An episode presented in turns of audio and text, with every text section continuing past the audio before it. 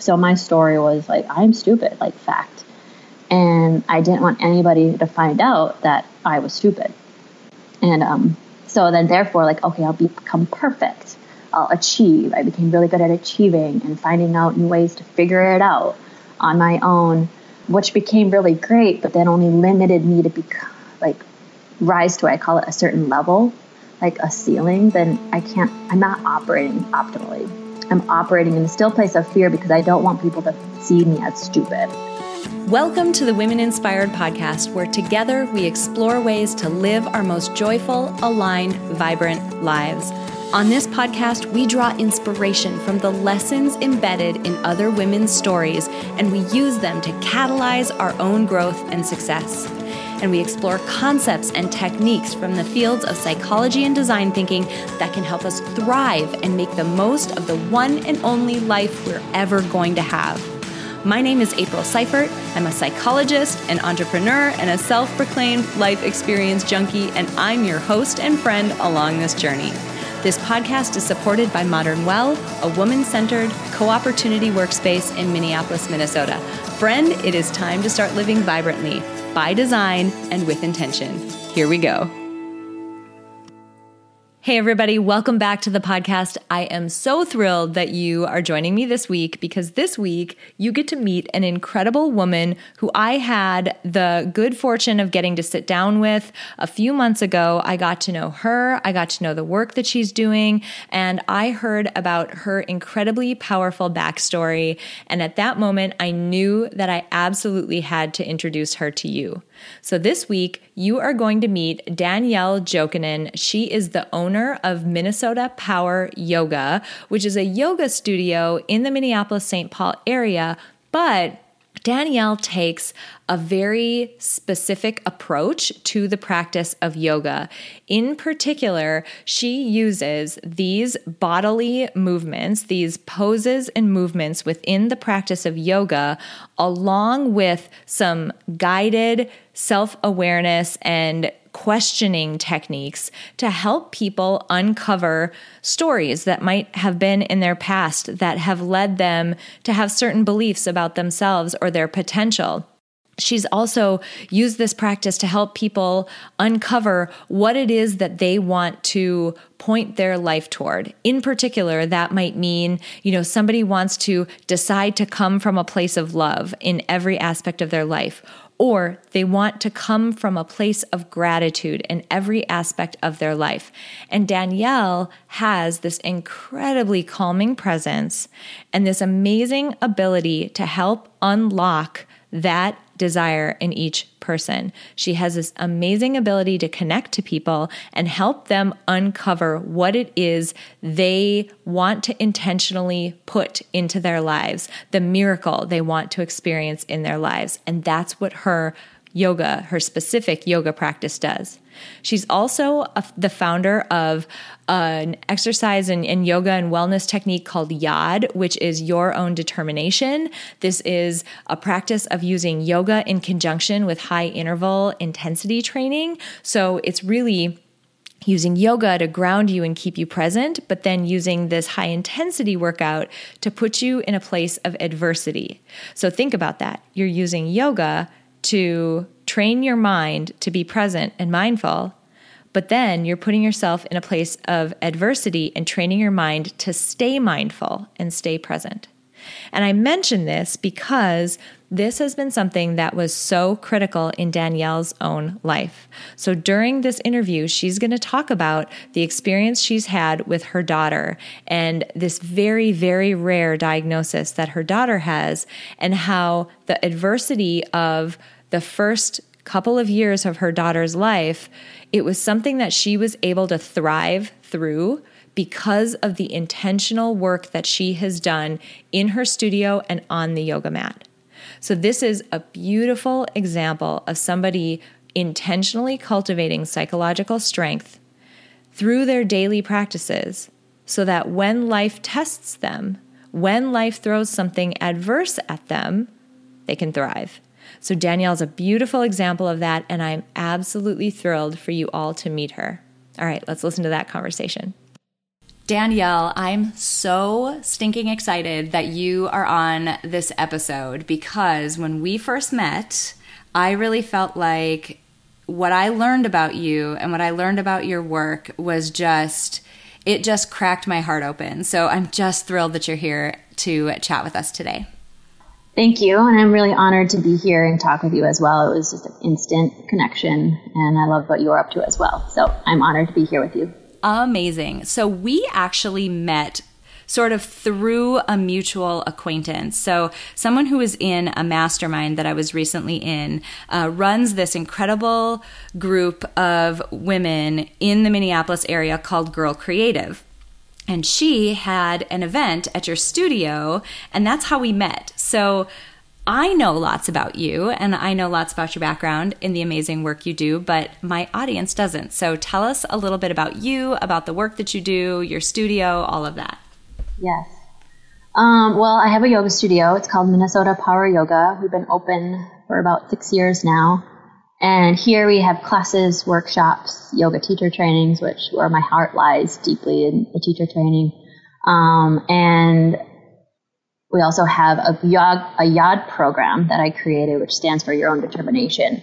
Um, to me, that got birthed out of also creating this space. Um, so I have these two businesses, Minnesota Power Yoga and YOD. And I also have a two year old who I adorably adore every day. And I live in Minneapolis. Amazing. Um, so, your particular approach to yoga is very unique. And this was one of the very first things I walked into your space and I saw the most wonderful things written on the walls, and it just feels I don't know what the right word is. It feels holistic. It felt like I'm going to do more than get a workout here. I felt like this is a place that I can go to be inspired to make sure that I'm really feeding all of who I am, is what I felt like when I went into that place. Can you just tell us a little bit about your approach to yoga and and maybe that's yod, maybe it's part of, you know, both sides of the business, I don't know, but tell us a little bit about your particular approach. Yeah, absolutely. At our studio, we focus on the yoga movement, like getting into your physical body, the yod movements, just move your body and then also meditation or getting still, like stillness, allowing yourself to be calm. And then the third part is self inquiry, allowing yourself to be with questions and self reflection and really changing like your mindset and, and leading a life with intention. Um, we really focus on like that wholeness of the whole, our teacher training is called the wholehearted teacher training. So looking at your whole life, like your physical fitness, but then also getting to the why. Like, but why do you want to do yoga or why do you want to do yod? And um, what are you up to on, on your yoga mat and then also in your life? And we really get to know our students. And I, our mission at the studio is we exist to inspire and awaken people to their purpose, like led with passion, so that they can be in life of creation and contribution.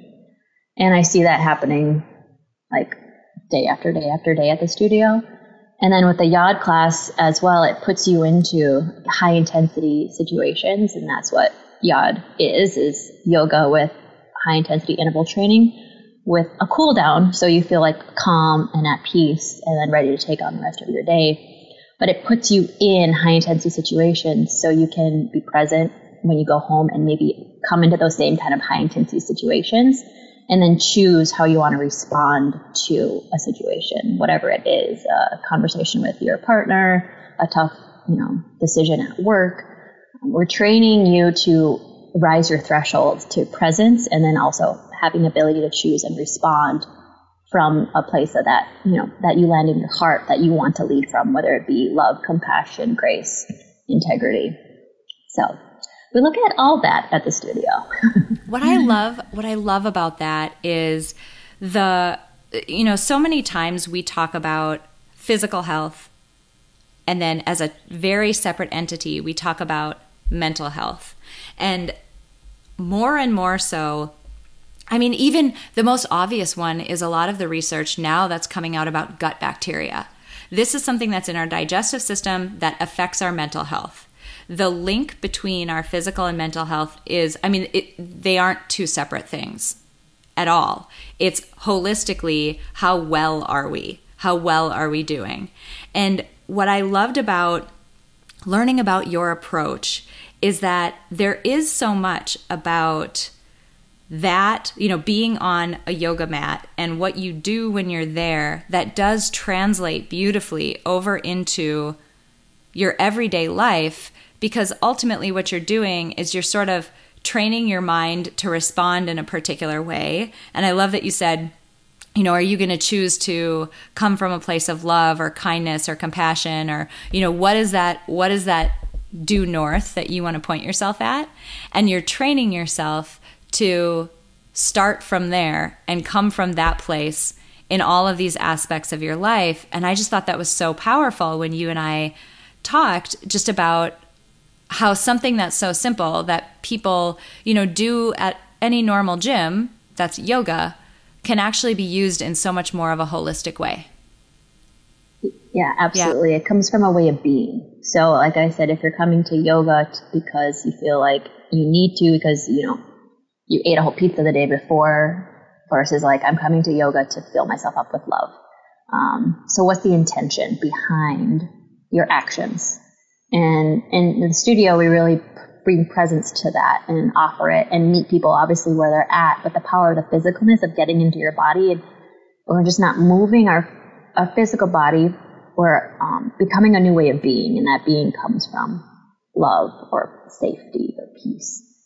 So it's really inviting it in, and through doing this practice for six years at the studio, it's like it wakes people up to it because um, I I used to practice and I didn't know what I didn't know either. It's like, whoa, I can instill my body with like love. It can be a way of being, and I can use this practice of yoga to infuse that into my to my body, into my thoughts, into my words, into my actions. Um, so, yeah, it's bigger than just the movement for sure, but sometimes you need to start with moving your body yeah. to get access to that. What? Tell me a little bit about that. Let's dive into that a little bit because um, you're saying a lot of things that I think are easy to hear on the surface, but are more difficult to truly grasp at the level of depth that I know you're coming from. So you use this movement to let's start where you were you were saying you use this movement to get people back into their body. Tell me what that means to you. Like what does that mean to get somebody back into their body and really being present there? Mm-hmm, absolutely. So we're, you know, getting into the room, into the yoga mat. I get present to like feel your hands on the floor. Um, feel your breath flow in the nose and out the nose. Just really get present to the now, like the now moment. And then that gives you space to like think and like feel and then be with, hmm, what am I thinking right now? Or, you know, and I ask questions a lot. What's here for you? and people will be like, oh, I like just this morning I taught a class and someone's like, I'm nervous. I'm like, great, awesome. Like, I'm like acknowledge you for saying I'm nervous. And then through that, getting your physical body, you get to choose and like, oh, I am nervous and I'm excited.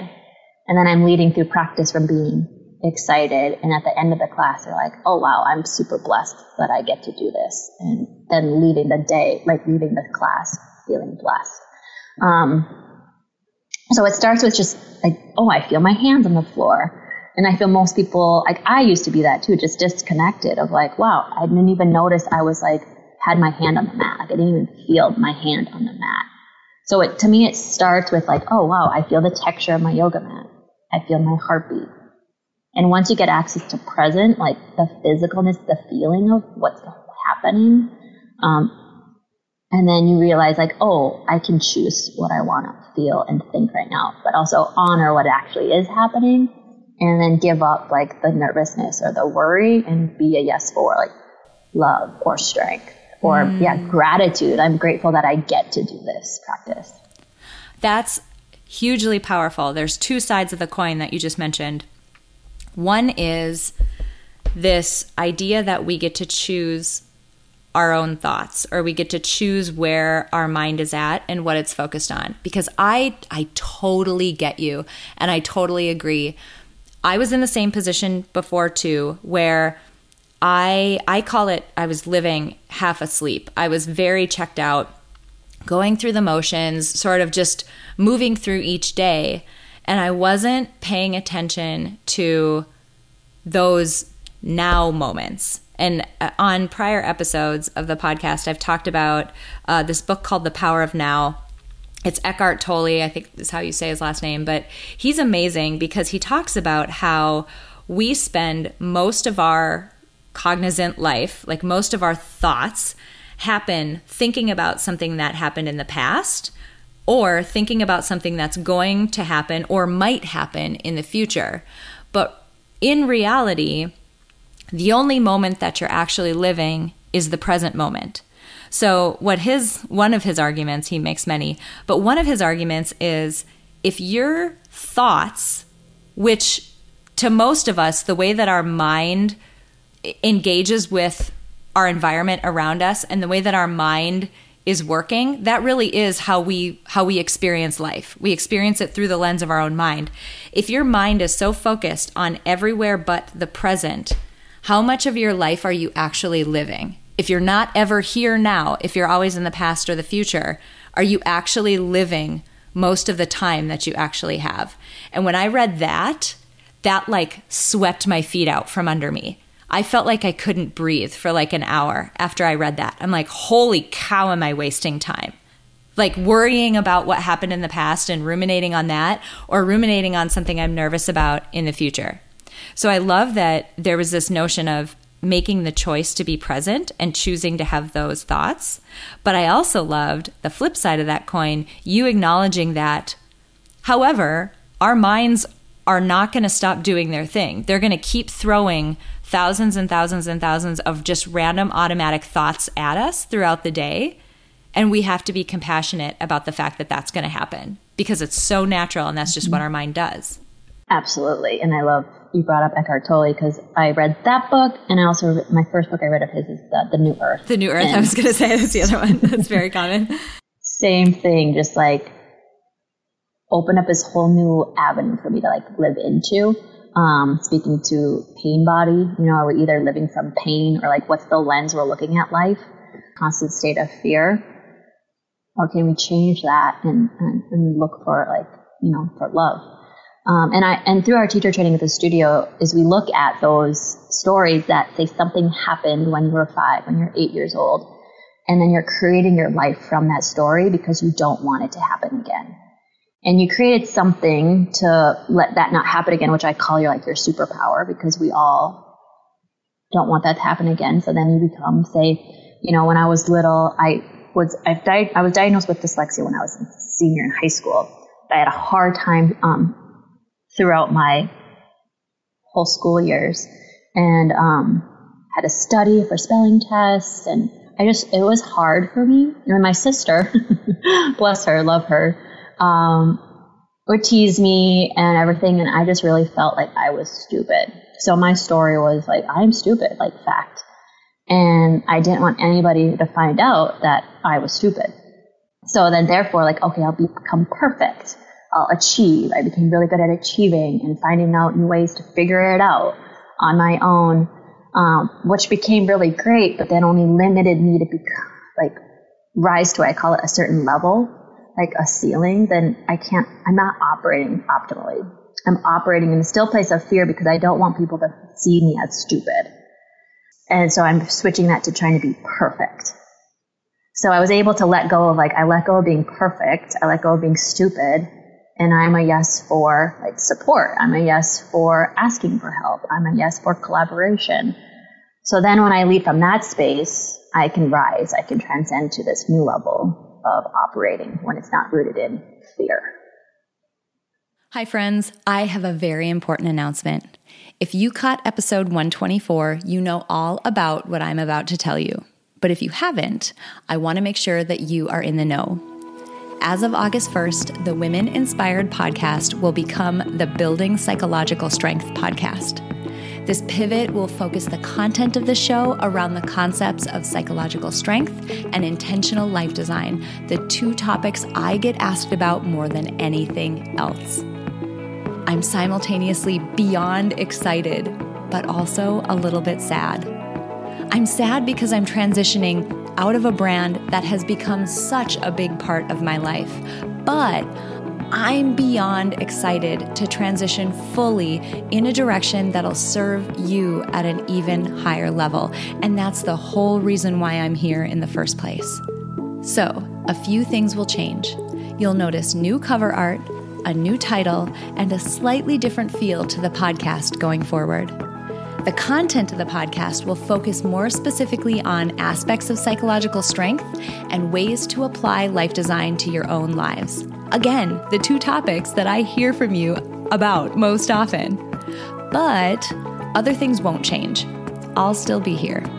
Each and every week, I'll still have the same dedication to bringing you guests, information, techniques, and tools to help you thrive in your life and I hope you'll continue to join me each week.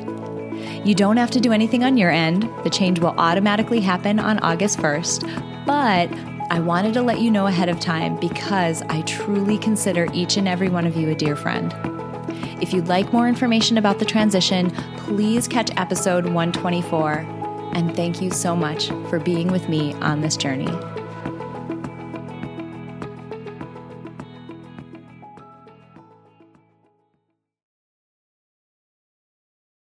I think that's something that if and something else that you touched on when you were talking about your particular way of approaching yoga is through the lens of self-awareness, asking ourselves questions and really coming to terms with and, and starting to question the assumptions that we have. You know, this these belief systems that we have, they're formed for a reason. They came from somewhere. They all at least at one point likely had a kernel of truth to them. So maybe something did happen to you when you were younger and you learned that the world is a scary place or that you don't have control over things um, that you wish you had, and so you're afraid for that reason. Or maybe you weren't allowed to speak your mind, so you learned that your voice didn't matter, or that um, you were an insignificant person because people weren't paying attention to you. I mean, it could be any number of things. Um, for me, just through a series of events in my life, I came to have this self belief that I will never be. Um, I will never be credible enough. I'll never be old enough with enough experience for anybody to ever take me seriously. And what's funny is, you know, you talk about these self reflective questions and being self aware and all of that, it occurred to me one day that I'm 39. I'm almost 40 years old. How old do I need to be to be taken seriously? Like, April, for real, what's the number? How old do you have to be? And in, in my mind before, I would have told you, like, okay, women who are 40, they're like, they get to be taken seriously. Well, here I am, and I still don't think I'm you know, at the time, I didn't think that I was worth being taken seriously.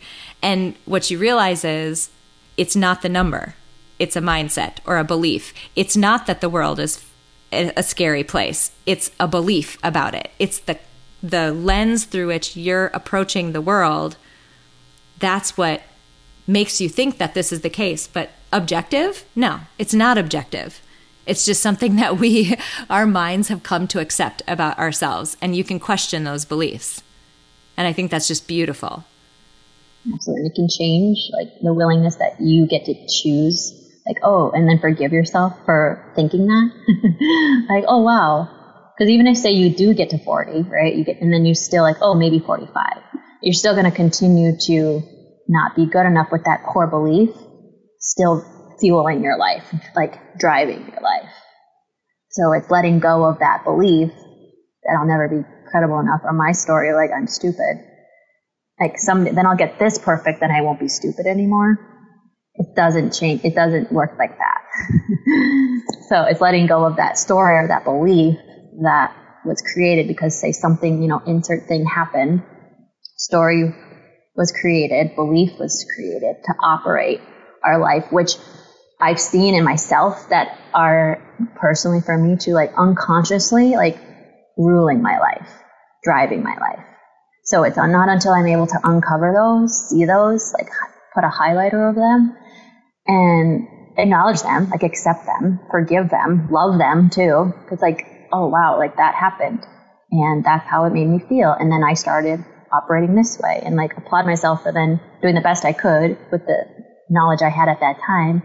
And then, okay, I, I let that go because I want to lead from love. I want to become my whole self.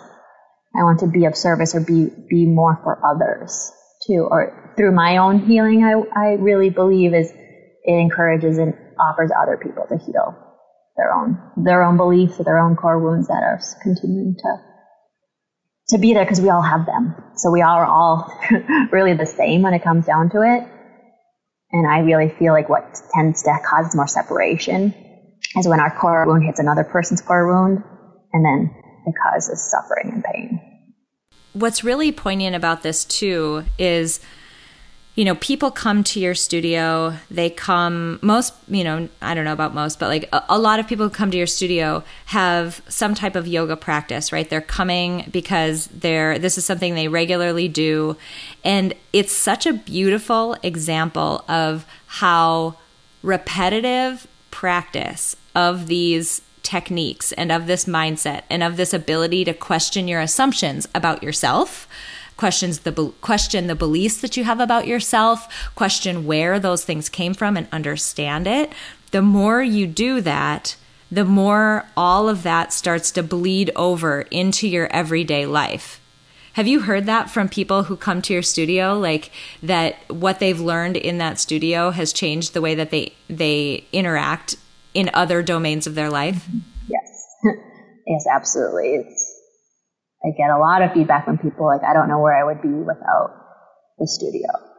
They've changed, you know, careers, jobs, transformed themselves, um, transformed their relationship, and forever grateful. I've had like um, a, one person come to the studio for teacher training, and their their significant other wants to come and do it too because they're like, wow, whatever happened, I want that.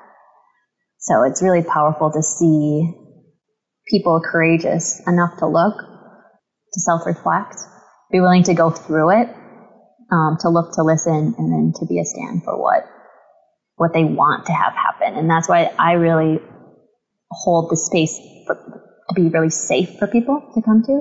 And whatever you're going through is amazing and just acknowledging it. So I, people for sure come here, get transformed through just doing yoga um, workshops, obviously the depth of teacher training that we really focus on, all, all three, yoga, meditation, and the self-reflection, the willingness to look, the willingness to say be with it, like say, wrestle with it, like wrestle with the question, because it may cause some, um, it, it, say that's what it's simple, I guess it's hard sometimes looking at questions.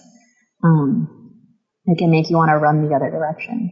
Or subconsciously like forget to do it. So the willingness to be with the question and continue just to show up um, is what I see as the beauty. And actually, then like the transformation just happens itself when people are willing just to show up and, and just try it on, not needing to fix it or figure out, just being willing it to like happen for them through this work. Yeah. Yeah. I mean, what you're talking about is such a perfect example of, you know, I've talked a lot about psychological strength on the podcast, and it's such a perfect example of that. It's using these regular practices to change the way that our mind operates. And, you know, gratitude is a great example of that, where I think it's a misunderstood thing. I actually did an entire episode on this um, weeks back. Uh, basically debunking like sometimes people look at gratitude practices and think wow you're you know you're just pretending that there's something positive in this moment. This is just something that you're pretending and this isn't realistic and whatever. But what they don't realize is the difference between just to take it out of this context and put it in something else that's slightly different um, they don't understand the difference between free throw practice and the big game Free throw practice is your gratitude practice. Free throw practice is you training your mind over and over again. Nope, we're going to go to this good place. Nope, we're going to go to a more balanced, holistic place. You are not going to death spiral on me. You are not going to go um, down this rumination path of worrying about something that may or may not even happen, to go back to Eckhart. I want you to stay in the now and I want you to find at least one tiny thing to be grateful for. That's free throw practice. When you hit the big game, that's when life throws something, throws a true challenge at you. And this could be something incredible, right? This could be a really big opportunity. That's still a lot of pressure for people. Or it could be something that's truly adverse. But because you practiced those free throws, you're more likely to hit shots in the game when you're actually under pressure. And because you did that gratitude practice and that self reflective practice and the mindfulness practice of staying in the now, you're more likely to stay more present, meaning not ruminate, not go down a mental death spiral when adverse things happen to you and when life starts to test you. Have you found that to be the case? Yes, absolutely. And that really parallels well with the YOD methodology, the your own determination yoga methodology that I created. It's why it's yoga foundation, like move from your physicalness, your body, bare feet on the mat, just you and your yoga mat. And then with the high intensity, like put yourself in a situation that, you know, feels adverse, feels challenging. Um, and the three principles of YOD are be a yes, take action, and follow through. So very great with the analogy of a sport. you know, like shooting a free throw. Like, can you follow through and hold that arm up and watch the ball go into the hoop and be present for it? So it puts you in that space to be a yes. Like, I am a yes for this one more push up. I'm a yes for one more air squat, and I feel amazing. Or I am going to take a push up on my knee today because that what makes me feel feel my my like strong or that's what my body needs today. So just really honoring what you need that day, coming from a place of truth and love for yourself. Um, and it puts you in that adverse situation then to practice it when you yeah go play the game right or go the game is life go into life and when life happens when you get up in this adverse situation can you come from a place of yes can you come from a place that you want to come in and like yeah not shut down not run away or unconsciously like react to something and then be like, shoot, I wish I didn't respond that way. So it's strengthening our mental capacity to respond how we want to respond. That's up to our highest attention. I'll call it our heart's desire, something that you're up to in moment by moment, especially in spaces of adversity. Or yeah, like I love what you said, opportunity. Because you may like that opportunity may arise and like uh, I'm not good enough for that, and then you just may walk mm-hmm. away when you when you just miss that opportunity. Yeah. So, yeah. And you know, we had we had the chance to sit down and chat for quite a while when we first met or maybe the second time that we met, but um I have to believe that this has been the case for you as well. So to to turn a corner a little bit, you have not had you know this this perfect, full of flowers life. You mentioned a little bit about being diagnosed with dyslexia, but even as an adult, more recently, there have been incredible challenges in your life. I'm wondering if you're willing to share a little bit about that and how some of the work that you've been doing within the studio has impacted the way that you have moved through those mm-hmm. challenges. Yeah, absolutely. Um, I believe in through sharing is healing for everybody, and number one, myself and anybody else who hears it. That, well, I can go back to why I even opened the studio in the sense of I had a wedding that was supposed to happen, and then a month before it got called off. So here I am, like heartbroken, devastated, um, like literally can't stand up. And my yoga mat was calling. So got back to my yoga mat and did three yoga teacher trainings because I'm like, I got to do all the trainings to figure my life out now. And landed in um, a level one Baptiste yoga program. And I felt my feet on the floor. I felt like, wow. I felt my body, my heart again. And through that week, I was transformed to, to heal. And, and that time I'm like, I want to do more with my life. And I watched a documentary with Africa Yoga Project, and I was like, okay, I need to share this practice with people. Uh, and then I was inspired to open a yoga studio. So opened the studio 2013. And yeah, through opening the studio, a business, there's so much ups and downs with just a business in its own self. But the biggest adversity through it all is um, I had my daughter, and two years ago now, and pregnancy went fine. I was sick like normal pregnancies in a way, but I went to labor, had her, and then she was on my chest for I don't even 10 seconds. And I don't remember fully seeing her, um, but she seemed gray. And they took her off because she wasn't crying and she wasn't breathing. So she had to go right into the NICU, which at that time I'm like, what is even a NICU? Like, I wasn't even, to me, that wasn't the plan. Like, she's not supposed to be in somewhere else. And, and then through that moment, I had to breathe and and I knew it was going to be okay, but I was still terrified.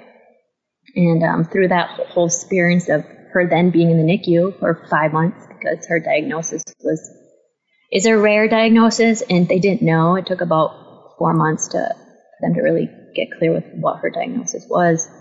Um, and through that whole NICU experience, like after ten days of it, actually like I, I didn't like I even said to the doctor, I don't know how much more I can take. And okay, total of five months in the NICU. This is how much that you're going to take. And thankfully enough for my meditation practice, my yoga practice, the the, the ob- being able to observe my own thoughts. That for a long time I felt it was my fault. Like it's my fault. I did something wrong that she's in the NICU. And I knew I knew that I didn't do anything wrong, but it took me a long time to forgive myself to let that belief go. That okay, yeah, I didn't do anything wrong, and I'm a yes for just love. Like the best medicine is love, and so I was consistently, you know, being a stand for love. It's huge to thank you for sharing that. I mean, I as you were saying, you know, they put her on my chest and whatever. I immediately get taken back to being in the hospital delivering, you know, my daughters. And that whole experience is so um, emotional and unpredictable and so it's such a big change in someone's life that you're really going into it only focusing on okay i'm i'm going into labor and i'm going to be in labor. And then you kind of nobody really expects that there will be a NICU stay after that. So when something like that does happen, it's incredibly shocking. And what's what's really notable about the way that you described it is when that happened, your instinct was, okay, I need to breathe through this. Because that's not where most people's minds would go who haven't done the training that you've done. Absolutely. I mean, I, I knew I had to because I wanted to be there for her. You know, so if I wasn't able to be there, like present, focus, like what does she need, then I wouldn't be able to be there for her and like offer that. Um, so I was really working on being my best self to be there for her with trust, with faith, with whatever it is. So yeah, my breath is the number one focus is what what connects your your heart and your mind and your body all together. So I just I didn't know what else to do, and I always tell people like when in doubt, breathe, and then go from there, and then maybe breathe again, and then go from there. So I so say change your breath, you know, to help facilitate or change your thoughts. Because like typically, if I don't breathe, then it it just spirals downhill. So that doesn't mm-hmm. work. And you mentioned she was in the NICU for five months. Mm-hmm. Um, what was it like when she got out? Uh, it was still hard for sure. Um, she had a feeding tube in her nose. She was diagnosed um, with a diagnosis that is, like I said, really rare and caused her to have breathing issues, um, diagnosed with low tone, and some other issues that the doctors are still like. She has doctor checkups and still the her diagnosis is teaching a lot of doctors of like what to do. Um, there's eight other kiddos in the world with her diagnosis, so it's an ongoing, just a daily looking, um, and that's why my mama bear instincts are really high alert to tune in to what she needs and trust, like really trusting that that moms know. Can shout out to all the moms out there. It's like trust your instincts. But when we brought her home, she still had a feeding tube in her nose. Um, she had a BiPAP machine at night. So we had nurses, like revolving nurses, revolving care all the time. Um, so it was exhausting. And did the best I could to still like obviously take care of me. And then I was pumping. So I was, I pumped till about 18 months. And so she was getting breast milk, which was awesome. We put the BiPAP on her face sometimes and she wouldn't want it. So it was a constant, constant 24 7 um, focus because she had that feeding tube in her nose and they don't typically send kids home with that. So there could have been a risk if she like pulled it out or aspirated into her lungs. Um, so I was in high alert watching her 24 7 and literally sometimes in child's pose next to her bed of like, okay, I can sleep for five minutes. And so how did you how did you maintain your sanity through all of that? Because she obviously had a lot of needs during that time. And this extended for quite a while, correct? I mean, she was um, maybe not necessarily a feeding tube, but she had quite a few um, needs beyond what, I mean, in in the most common of circumstances, babies are incredibly needy when they're first born. But this was so much more than that and this extended for a while. So this isn't just you need to power through for the next month or so. This was an extended time period of adversity. Um, you mentioned breathing for sure. Are there other things that came from your practice that helped you get through that? Journaling for sure. I would journal. And meditate and then get to my yoga mat even if it was just 10 minutes to move my body and take care of myself. And then if I didn't have a ton of time um, to sleep, it would be a yoga nidra. So it's like a deep, restful sleep. And then also, like, so Evelyn was born February 8th, and we had a teacher training at the studio at March 24th. And um, 14 people signed up for this teacher training. So when Evelyn was still in the NICU, I'm like, okay. And I sat with it for a while. Do I cancel this teacher training or do I do it? And the strong pull is like, okay, I'm doing it.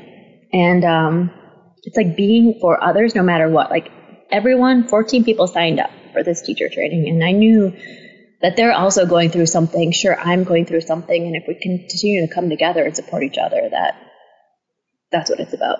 So that would be a practice that helped me through with people and connecting and sharing and yeah, whatever people are going through is like it's real. Whatever it is, you know, changing jobs, lost a relationship. My daughter's in the NICU, um, so that was really hard. Um, and I wouldn't have I wouldn't have changed it because I'm super grateful that you know I still got to practice that and and lead my purpose while my my daughter was in the NICU. It allowed me to fuel myself and be for others, and also not let me like I call it like tuck in tiny little ball and roll into the corner. So it's continually, continuing to rise up and it's being up to something bigger than myself. Mm-hmm. I love that. It's, um, it goes back to this notion of, you know, you have to, you have to give your mind, like, it, it, I don't know the best analogy to give, but your mind's got a certain amount of capacity to, you know, give a care about something. Like, I'm not going to swear, but you know what I'm going to say. Give an F about something. like, your mind has a certain amount of capacity to do that. And in situations like this, if you allow it, that adversity can take up 110% of that. But what it sounds like is you intentionally pointed some of that. Now, obviously, a massive, you know, chunk of that was on your daughter and what she needed while she, you know, while she was healing and, you know, when she was first born too. But um, intentionally deciding that a portion of that still does go somewhere else to sort of balance things out. That's a skill in and of itself, being able to do that. Absolutely. And like what you just said, like rise the capacity to do it. Um, and I was able to rally a team around me, so I didn't have to be there like 20 hours all weekend, which was awesome. And then it, it it created leaders, right? So me even saying yes to the teacher training gave the opportunity for other people to step up and rise up into leadership. Um, so it's like, yeah, I didn't want to miss this opportunity of yes, yes, I can do that. And so maybe I was gone for four hours of the day And I took an Uber back and forth from the hospital. and it was just like, yeah, this is what I'm doing. And I'm standing strong in my choice in it. And at times I was worried about like what other people would think.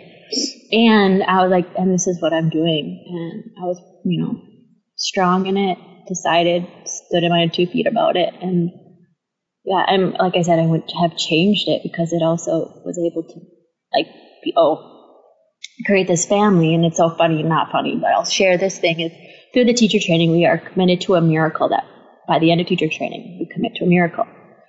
And um, it's funny, I almost forgot about it, but it was like weekend two where we're talking about this miracle. And I'm like, okay, you guys, my miracle is by the end of teacher training, Evelyn is out of the NICU. And at that time, I'm like, I don't know how, and I don't know if it's going to happen. I had no clue. And um, the last weekend of teacher training, Evelyn was in the graduation picture. Mm, that's incredible. That's absolutely incredible. Mm-hmm. So it's like I'm doing the practice myself. Yeah. through through it, right? Because that's what I attend. Like I have to practice what I preach. So by being able to show up for them, like they're showing up for me, and we're all together, like showing up for each other and rising up together. Something that you've said a number of times, and I think this is something tactical that you can leave with my audience.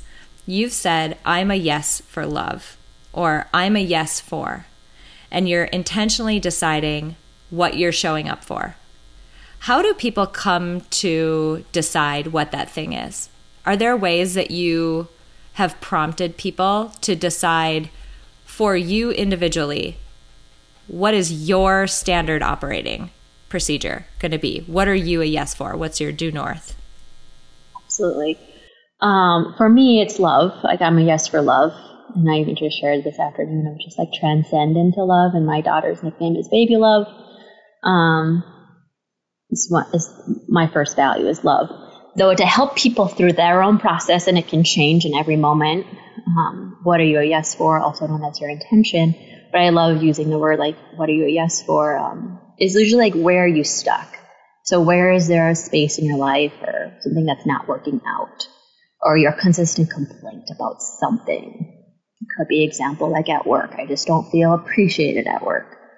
It's like, okay, great. Let's start there. You don't feel appreciated. So it's usually the opposite of if you, what's the opposite of not feeling appreciated? I feel acknowledged. I I'm, or I feel heard or seen.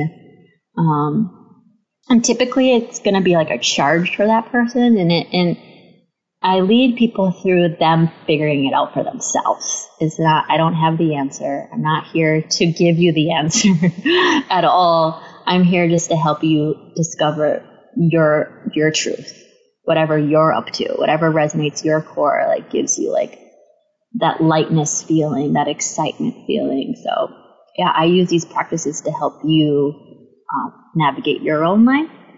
And so, example, if someone wants to let go of feeling, you know, feel appreciated or acknowledged, then the yes can be like, I'm a yes for being seen. I'm a yes for being appreciated, or I'm a yes just for appreciation. And with that shift that you take on, like responsibility for yourself to be a yes for that, that's where I call it the miracle, the magic happens when you are consistently like commit to it, especially in the space of, you know, struggle or adversity or rubbing up against the rubber.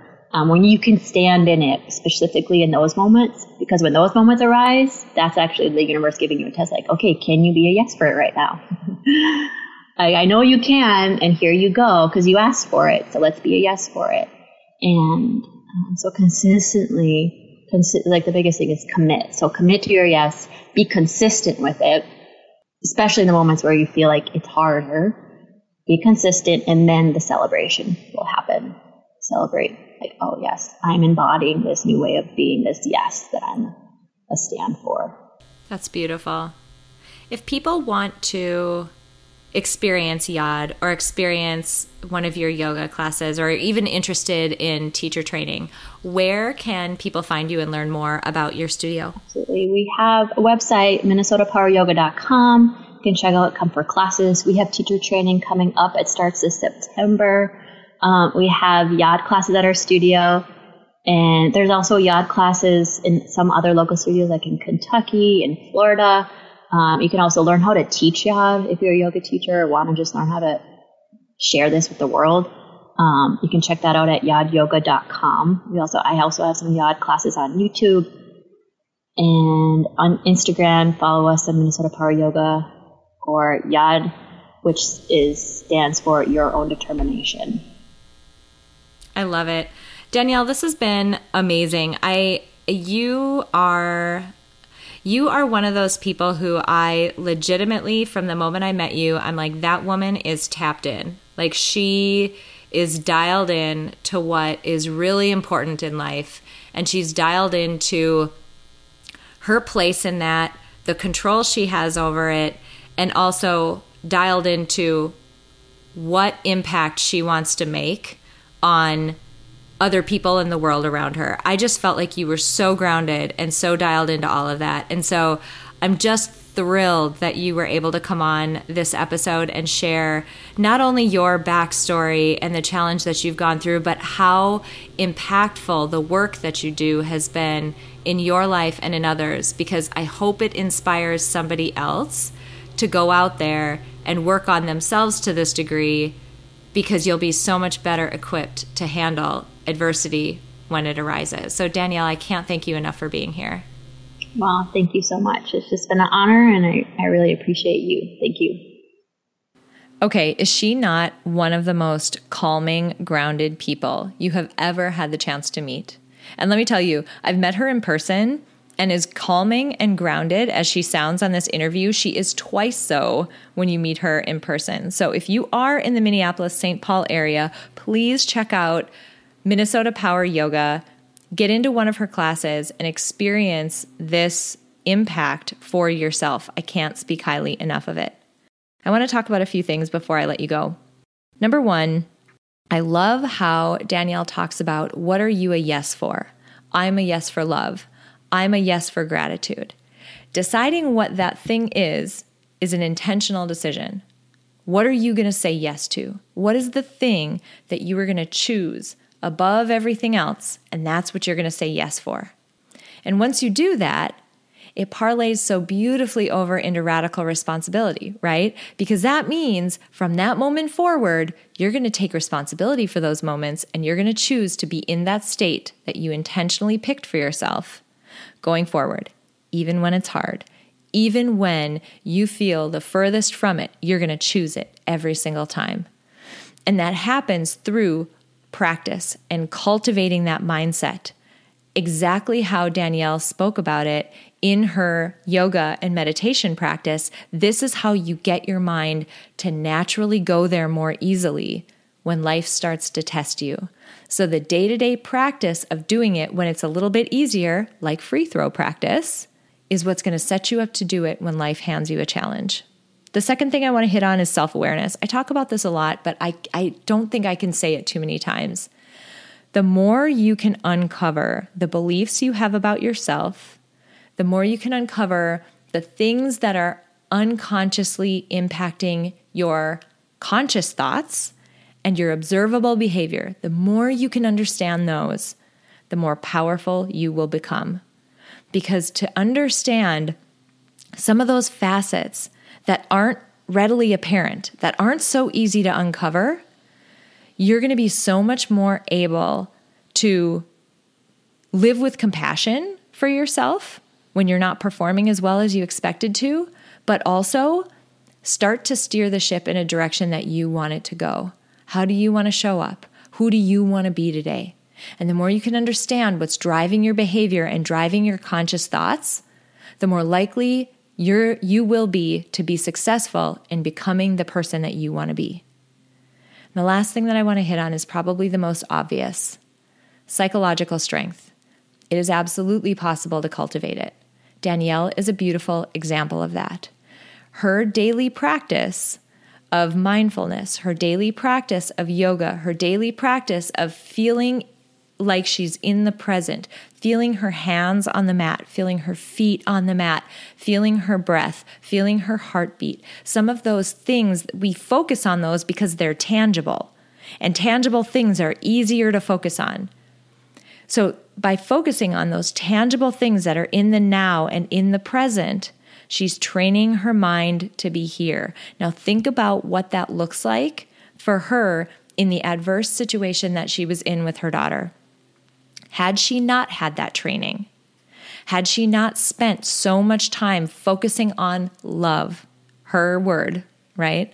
Focusing on love and focusing on being in the present and being mindful, had she not done that, I would beg to bet that her experience in moving through the adversity that was her daughter's illness early on would have been so much more difficult because she had already spent years training her mind to work more in her favor.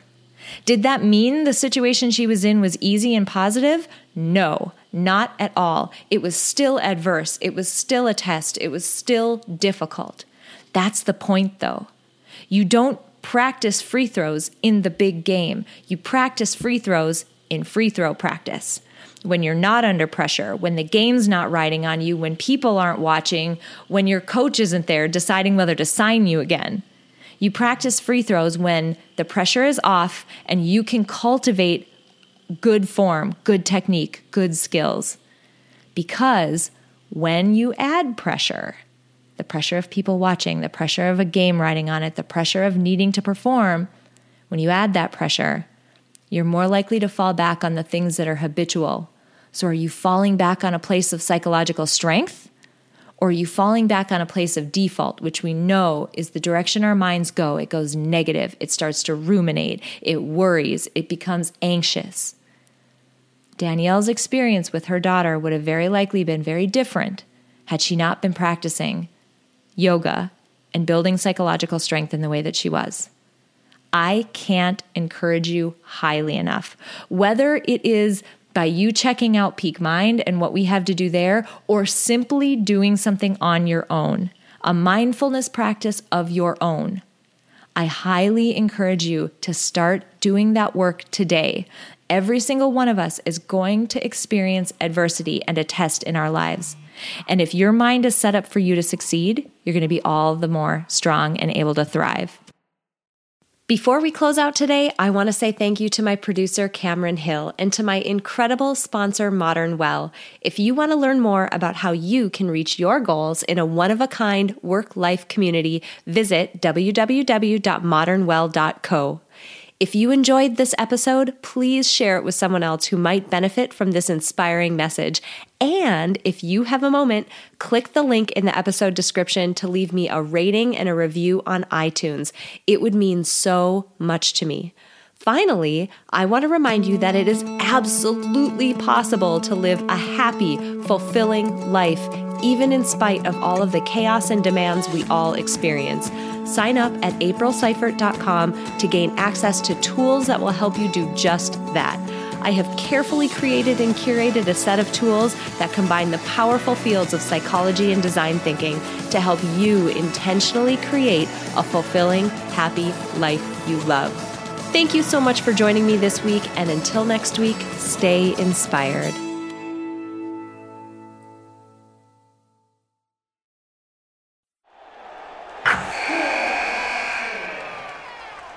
Wilson, you sent the game winning email at the buzzer, avoiding a 455 meeting on everyone's calendar.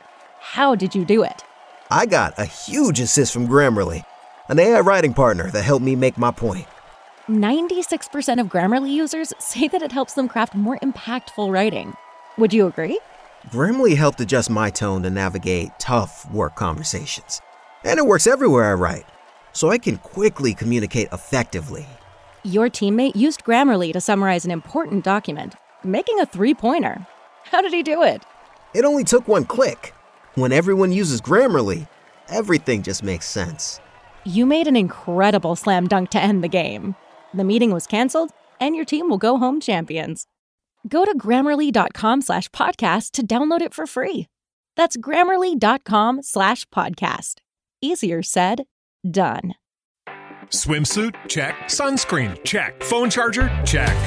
Don't forget to pack the 5 Hour Energy. It fits great in a pocket or carry on, and the alert feeling will help you arrive ready for anything. Now get 20% off when you use code 5HE Travel at 5hourenergy.com. Expires April 30th. One time use only, not valid with other discounts. Remember, visit 5hourenergy.com and use code 5HE Travel to save 20%.